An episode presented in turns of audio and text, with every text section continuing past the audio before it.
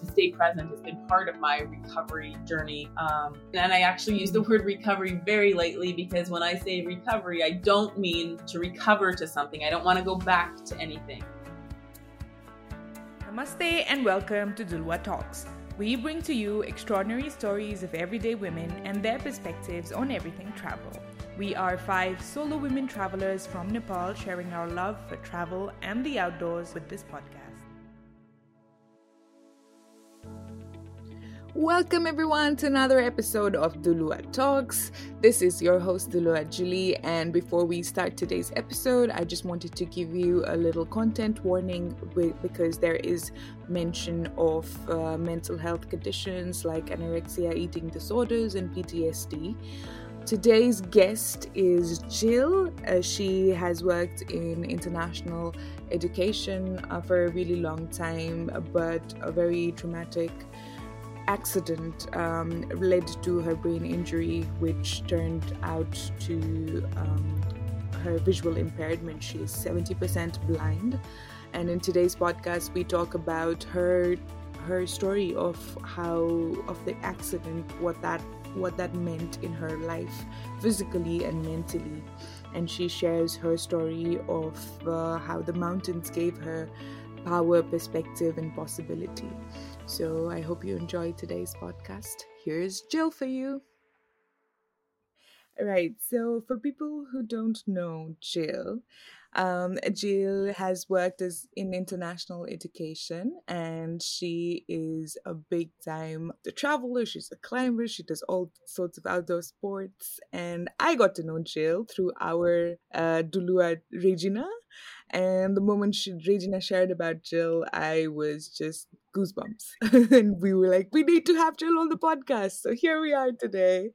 Um, Jill, would you like to share a little bit about who you are? Sure. Thanks. I hope, um, yeah, I hope those goosebumps spread into something really enlightening for others and hopefully a little bit of inspiration from the darkness to where I am now here in your beautiful country of Nepal. So I will backtrack um, how I ended up here in Kathmandu, basically in the shadows, not of the Himalayas, but of the Bavarian Alps. So in Germany, um, I was working as a health and sports science and physical education teacher. Um, it was my second year there, though I had traveled the world um, with respect to to my uh, teaching, um, but as well just yeah. adventuring about sixty countries um, in holidays, etc. Anyway, just an adventurous spirit, sort of all my life. And then um, this was my second yeah. year of school, second year of teaching in in the in Bavaria. And what happened on a mm-hmm. Wednesday morning, just like any other, almost exactly um, the time of year that we speak now.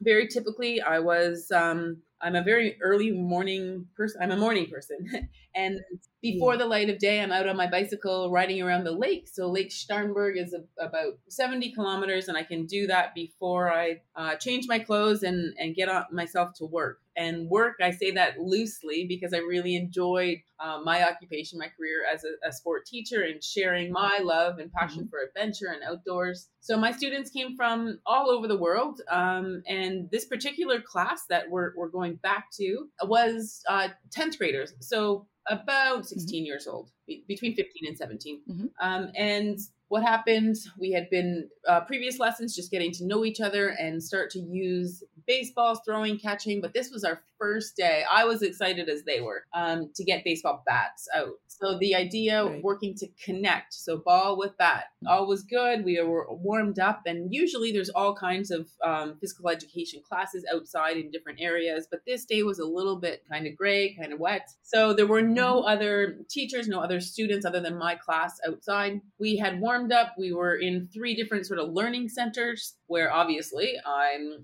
uh, as much as I try, I can only be in one place at once. So we were in three different groups. I'm with one, um, sort of at the equivalent of third base, if you know baseball, and two others. Mm-hmm. One was sort of way further out in the field, and another one sort of at the equivalent of home plate. And what was happening at home plate, students were doing what they were supposed to do. However, getting that ball and bat connected didn't go in the direction that one student had intended. And the ball, instead mm-hmm. of um, where he hoped, it actually connected with the right side of my skull. So I was looking in the opposite direction, and at a speed of Mhm. approximately 80 to 90 kilometers an hour, a ball hit the side of my head. So I obviously didn't see it coming, and um, I knew immediately it the eye closed. I knew immediately that there was something seriously wrong, um, and that I needed help Mhm. really quickly. Um, enough, uh, you know, working to stay conscious as much as that's possible, and Yeah. so students were able to go to this into the school, get adult to come and assess the situation and what happened. I was so I was taken to hospital immediately and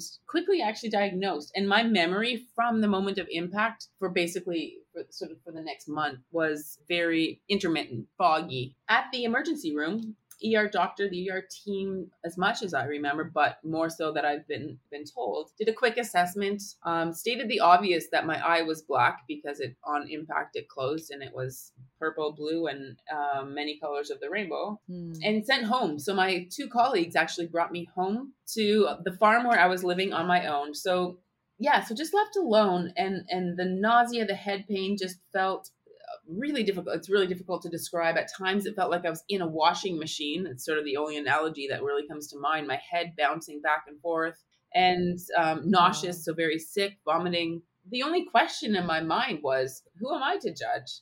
I'm just a sports Mhm. teacher and I'm not a medical doctor. So I believe Mhm. what that ER doctor told me, told my friends that I had a black eye and toughen up and and you know I was preparing to race in the World Duathlon Championships that coming weekend and I thought if it's a black eye, of course I can still run and ride a bike. However, Hmm.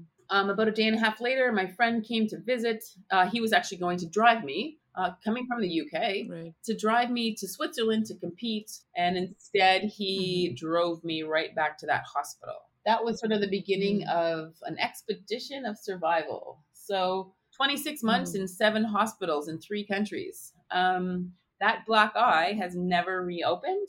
And it was, in fact, um, my skull that was fractured and my brain was bleeding and swelling. So, a little bit more than a black eye, a traumatic brain injury that, um, a long, complicated story. So, the traumatic brain injury, um, there's cognitive function, motor function, sensations, emotions, all that comes with that part. But as well, it left me 70% um, blind, so visually impaired. I have 30% vision now. Um, but also Yeah. the um, area of my brain that was affected includes the area responsible for appetite. So I was Oh. basically um, trying to rehabilitate a brain, um, but I wasn't being nour- I wasn't nourishing. I could not um, get food into me. So I was originally Mhm. um, diagnosed just with sort of with with refusing to eat um, as anorexic. Um, that later changed. Maybe Mm. we'll come back to that later. Um, but yeah, so my body was literally um, deteriorating. You know, body, mind, everything. Then recognized, did the proper testing, further diagnosis. What they told me was that the eye would reopen once this bleeding and swelling subsided. So it just needed time, and then the eye would regain movement and open. Basically, the the areas. So the I say TBI, meaning traumatic brain injury, and all of the cognitive and motor and that goes with that.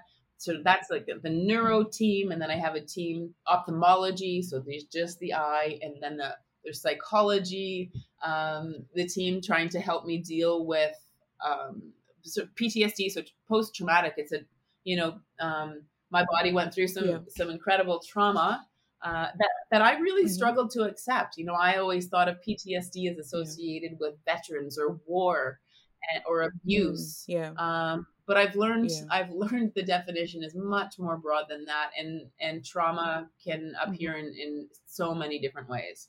And then my Mhm. eating disorder was a completely different specialist. All of these things so complex, so confusing, and I'm in a country where I don't speak the native language uh, in, in Germany. Yeah. So there's confusion with that, and then insurance, and just lots of bureaucracy, all while trying to heal Yeah. from a brain injury. So that was a mountain. That was an expedition in itself, and and it was like Right.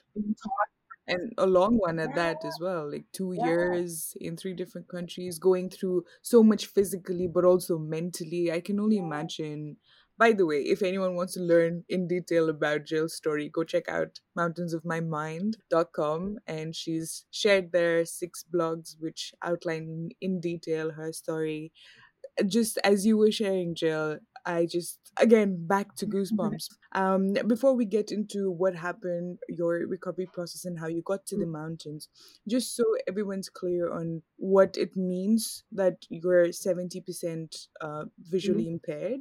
Could you explain to us like what does that mean? So yeah, it's really difficult to explain because it for me it's just it's all I know. I mean, the 70, the actual number comes from, you know, Mhm. all of the medical um, testing, the neuro ophthalmology reports. I've had to go uh, Yeah. countless, like the ways they test your eyes and the movement. Otherwise, I would have had never any idea. So yeah, the official diagnosis is 70% that I do not have. So if you look at me, I'm wearing sunglasses.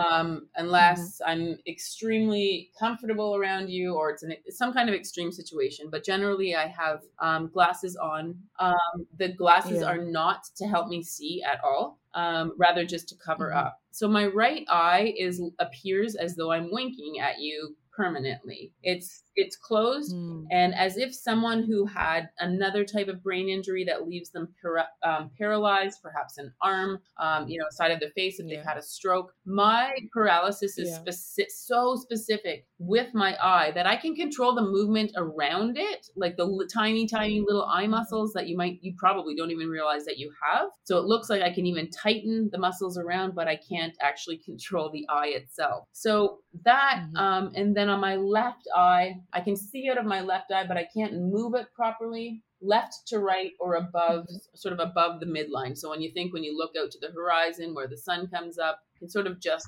see to that Yeah. rather than where the sun rises to.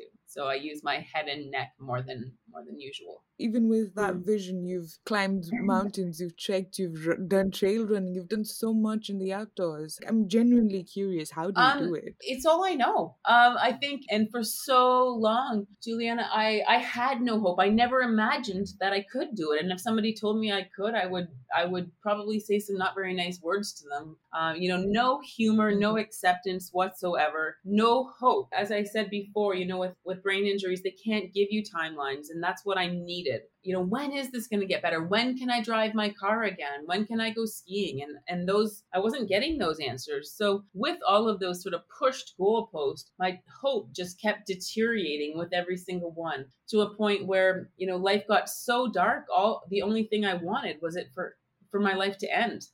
And at that point, when I finally got released from the hospital, um, from the healthcare final healthcare center in Colorado, um, I was super Mhm. excited on the outside, but on the inside, Yeah. I was still really lost. You know, I had no direction still, and it was like something within just said mountains. And so I thought um, Right. maybe one year in different massifs, so di- so different mountain ranges around the world, one year, and then I would have life all figured out. that was my thought. And here I am four years later, and I'm still traveling and I'm still trying to figure it out. But at least at this point, I know there's no figuring it out. It's just working towards accepting that this is the way my life is. And I am okay Yeah. with that now. I, I Mhm. say okay. Some days it's fabulous, and some days it's still difficult to accept. You know that my life took a trail Yeah. that I didn't anticipate, that I never could have imagined. But now I'm at a point where I find gratitude for it, and I'm thankful for the strength I have found in my scars when I when I say that lesson is like the power of perspective and what is possible. So I left, you know, to, to start traveling thinking if I could just walk in the mountains. And then walking turned to running and lots of bloody knees, you know, and and scars on my hands and broken sunglasses because either they broke when I would fall or because I would be so angry, so frustrated that I would throw them, step on them, you name it. The fall, I mean, now the falls still happen. I have no depth perception, so of course they're going to happen. You know, I can't tell uh, a difference in height when I'm, you know, for example, Ama Dablam, very technical mountain, and and going up is is very different, or it's different than going down. Like downhill, people think, oh, go cruising downhill, but when you have no depth perception, it, it doesn't go quite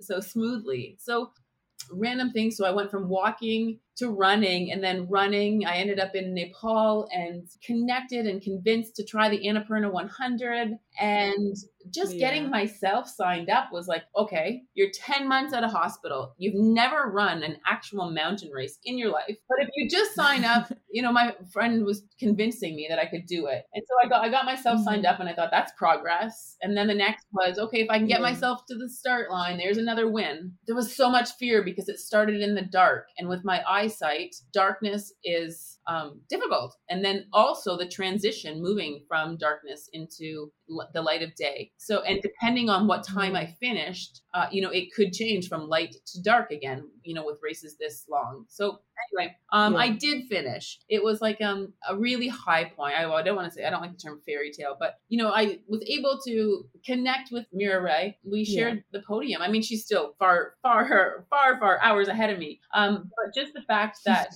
you know, 10 months earlier, I had been coming out of hospital, completely changed, never could have imagined where I was uh, or where I got to. But there's still, there was so much work to do. And that work um, evolved with that race. And, you know, there was a, a little bit of eye opening in terms of, okay, wait, maybe I can do more than just walk. Richard Bull, the race director, mentioned to me that there's this upcoming race around Manaslu. And at that point, I didn't even know what Manaslu was. I had no idea. and so I, I did. I changed my flight to New Zealand and um, stayed in Nepal a little longer. One of the probably the best decision I've ever made. Um, and Mhm. and I ran like the 12, 10, 12 day stage race, got connected with some of the most beautiful people. And I'm completely introverted. A very good friend now, you know, he's just politely curious. And, and to a point Mhm. where I felt, okay, I, I he, he's nice. He has good intentions. So I, I told him a little bit. He's like, what are you writing about? Like, what's going on here? It's, you know, it's five o'clock in the morning. Nobody's up. You're writing. You're not talking to anybody. Kind of like, are you okay?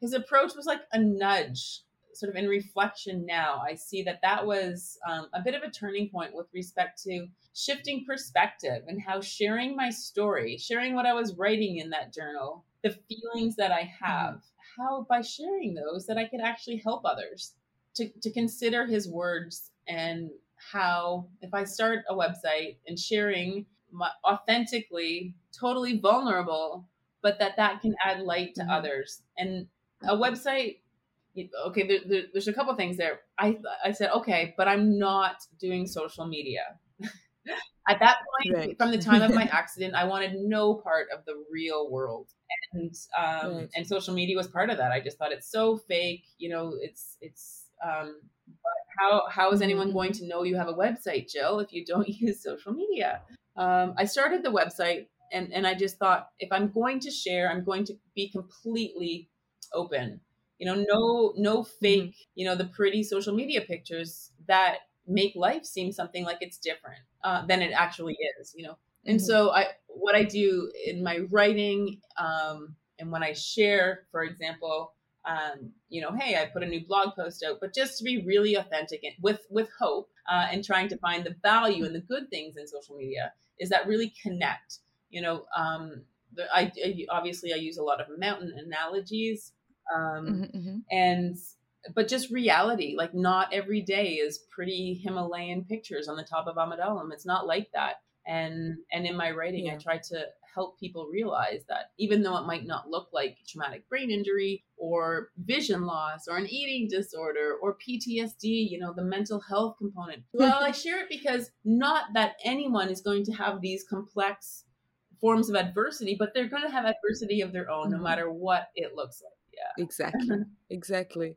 I, I remember I told you this um, before we re- we started recording as well. But when I learned about you and when I when I read through your blogs and when I talked to you as well, the big like overarching thought in my head was that I think most people, especially at this this age Mm. group, we sort of we have so many thoughts in our head where we dwell in the little failures in Mhm. our life. There are so many, um, like you say, mountains of our minds that we tend to just stick to it and just let that bring us down. But when I learned about you and your story, I was just like, there's someone who's overcome such such a big adversity in her life, and you've changed uh, trauma to something that empowers you now. That in itself has been very inspiring personally, because that just made me reflect on my own questions and my own self doubts and the little things that hold me back from achieving my full potential or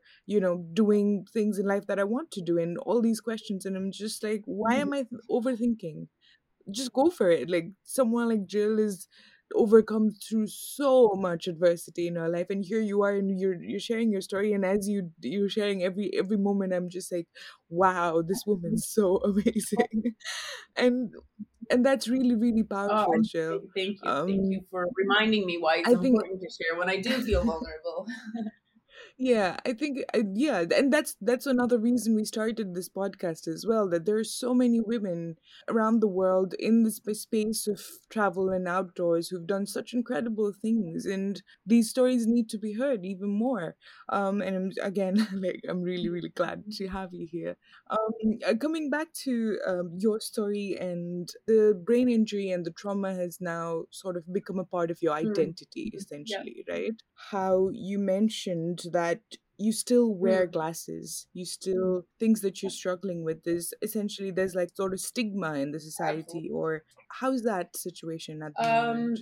at the moment, it changes, but yeah, I mean, you touched on a really good point, and that is stigma. Um, you know, there is stigma associated with brain injuries. There is stigma re, um, connected to eating disorders, to vision loss. So, what you know, what do people think of when they hear the word visually Mhm. impaired? Um, and and Right. and um, I feel that shame is a very intense painful feeling that you know i'm not worthy i'm not enough i have these flaws um, Mhm. associated with all that has come i for so long have just felt that i'm not worthy of love and belonging because all of these things are wrong with me but where does that Mm. wrongness come from you know you have to stop and think Mhm. for so long we've grown up in a society that tells us what we should look like society and i mean Exactly. advertising books magazines movies social media you know it's tough right now social media Yeah. growing up in this you know society that tells us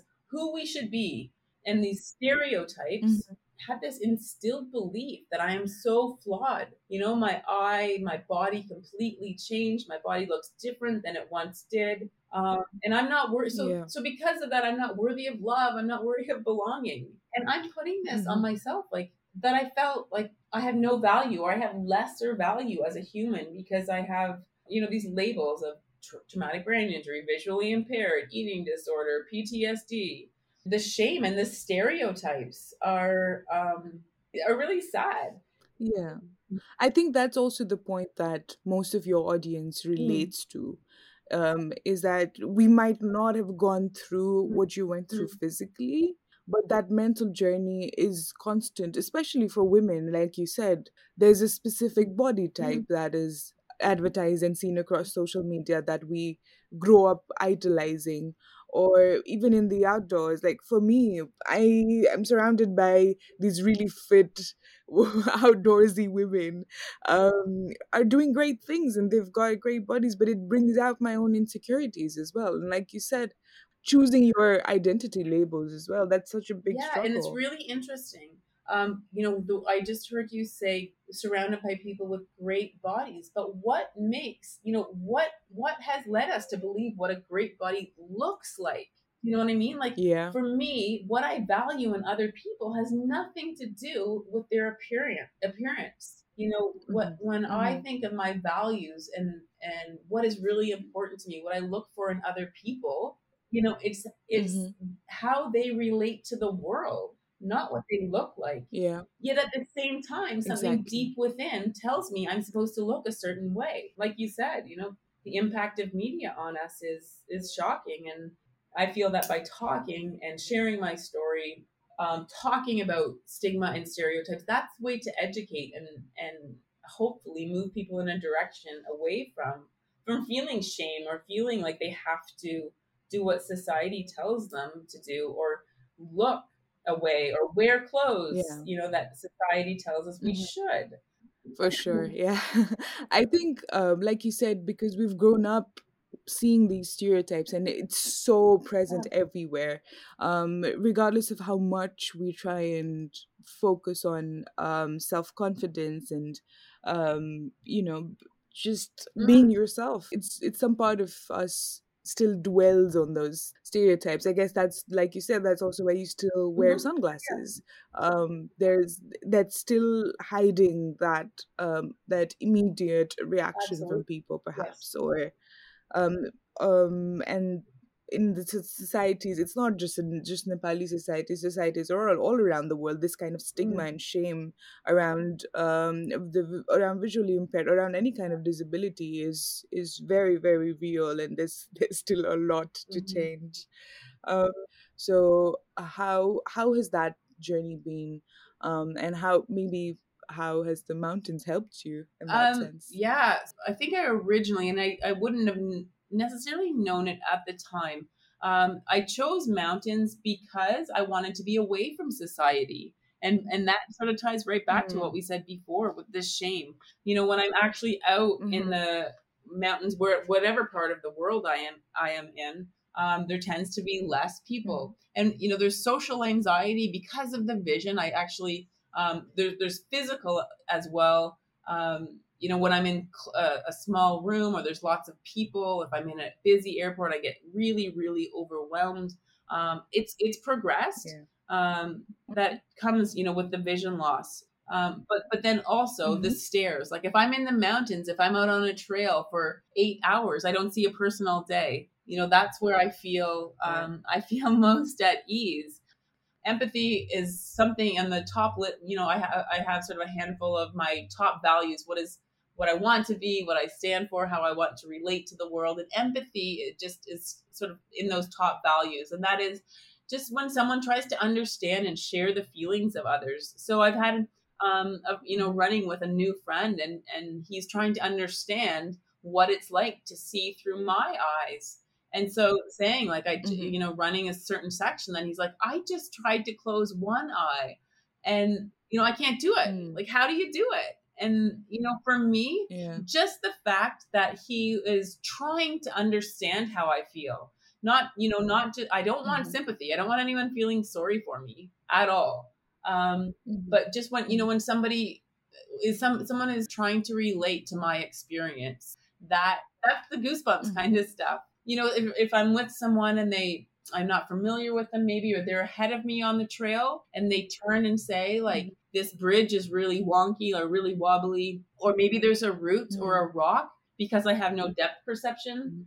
Mm-hmm. They they recognize um, and and point that mm-hmm. out to me. You know, there's there's a mm-hmm. fine balance because at first I might had a hard time accepting that. You know, I'm fine. I'll figure this out. Yet at the mean, you know, in the meantime, I've got blood dripping from both my knees and my hands are all scratched. But now, you know, I know mm. um, or I recognize people's interest and and trying to understand and share how I feel. So, you know, my thought process has definitely changed and my mindset has changed to a place that, you know, recognizing other people's empathy and want to help and, and curiosity and uh, that I really mm-hmm. connect with empathy for sure. Yeah, when you were saying this, it just occurred to me like what I can relate to that that story and what you just shared is we live in this idea or this perception of mm. what is rather than what mm, actually mm. is. But before we end the podcast, um, is there anything that you wanted to share? Maybe we didn't, we missed out on talking about it.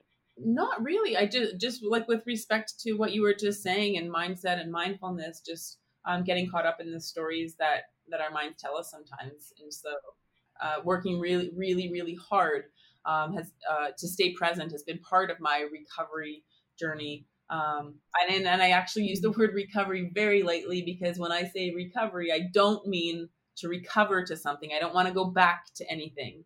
I just want to keep working on the person right. that I am, and and like I said earlier, um, staying in tune with my values and helping um, share and release the shackles of stigma that that traumatic brain injury and vision loss, eating disorders, PTSD, releasing those um, those shackles that they hold. And through my experience, uh, you know, I I continue to develop acceptance, and hopefully um, others mm-hmm. see light and the power in perspective and possibility despite whatever adversity they um, encounter. um, just listening to your story today and um, just reflecting on on a lot of things really it's ignited a lot of thoughts in me and it's been really powerful to listen to your story of overcoming the trauma and adversity of the brain injury but also the sort of mental journey that you've went through after that trauma the sort of shift in mm. perspective and how the mountains helps you um, and I just wanted to thank you for sharing your story. I'm sure mo- everyone listening is also so inspired and getting goosebumps like I did. um, no, thanks you're, again, you're Jill. very welcome. I mean, I ramble really, really quickly. My story is so complex. So thank you for uh, the opportunity to share. But I encourage anyone, if you want to know more, have any questions about um, recovery or you know vulnerability being authentic please reach out i'm happy to share and if i can add some light um, please allow me to help you yeah anyone yeah, so For sure. You can find Jill's website and uh, social media as Mountains of My Mind. And I have been hooked on all mm-hmm. of her blog posts. So definitely go check her out and give her a follow. Um, and I know you're preparing for your Manaslu journey as we are recording this so wish you all the best so and we will follow you and your uh, journey of recovery um, through your social media, mm-hmm. actually. but stay in touch. Thanks. And daddy, daddy, daddy, what? right. Thank you for listening to the Lua Talks. If you enjoyed this episode, please do share it with your friends on social media and don't forget to tag the Lua Talks. We would love it if you can also rate and review us on Apple Podcasts and subscribe to get notified on your podcast platform. We are on Facebook, Instagram, and TikTok as Tulua Talks. You can follow us on social media for updates about new episodes and different experiences that we curate for girls, women, and allies. Until the next one, keep the travel bug alive.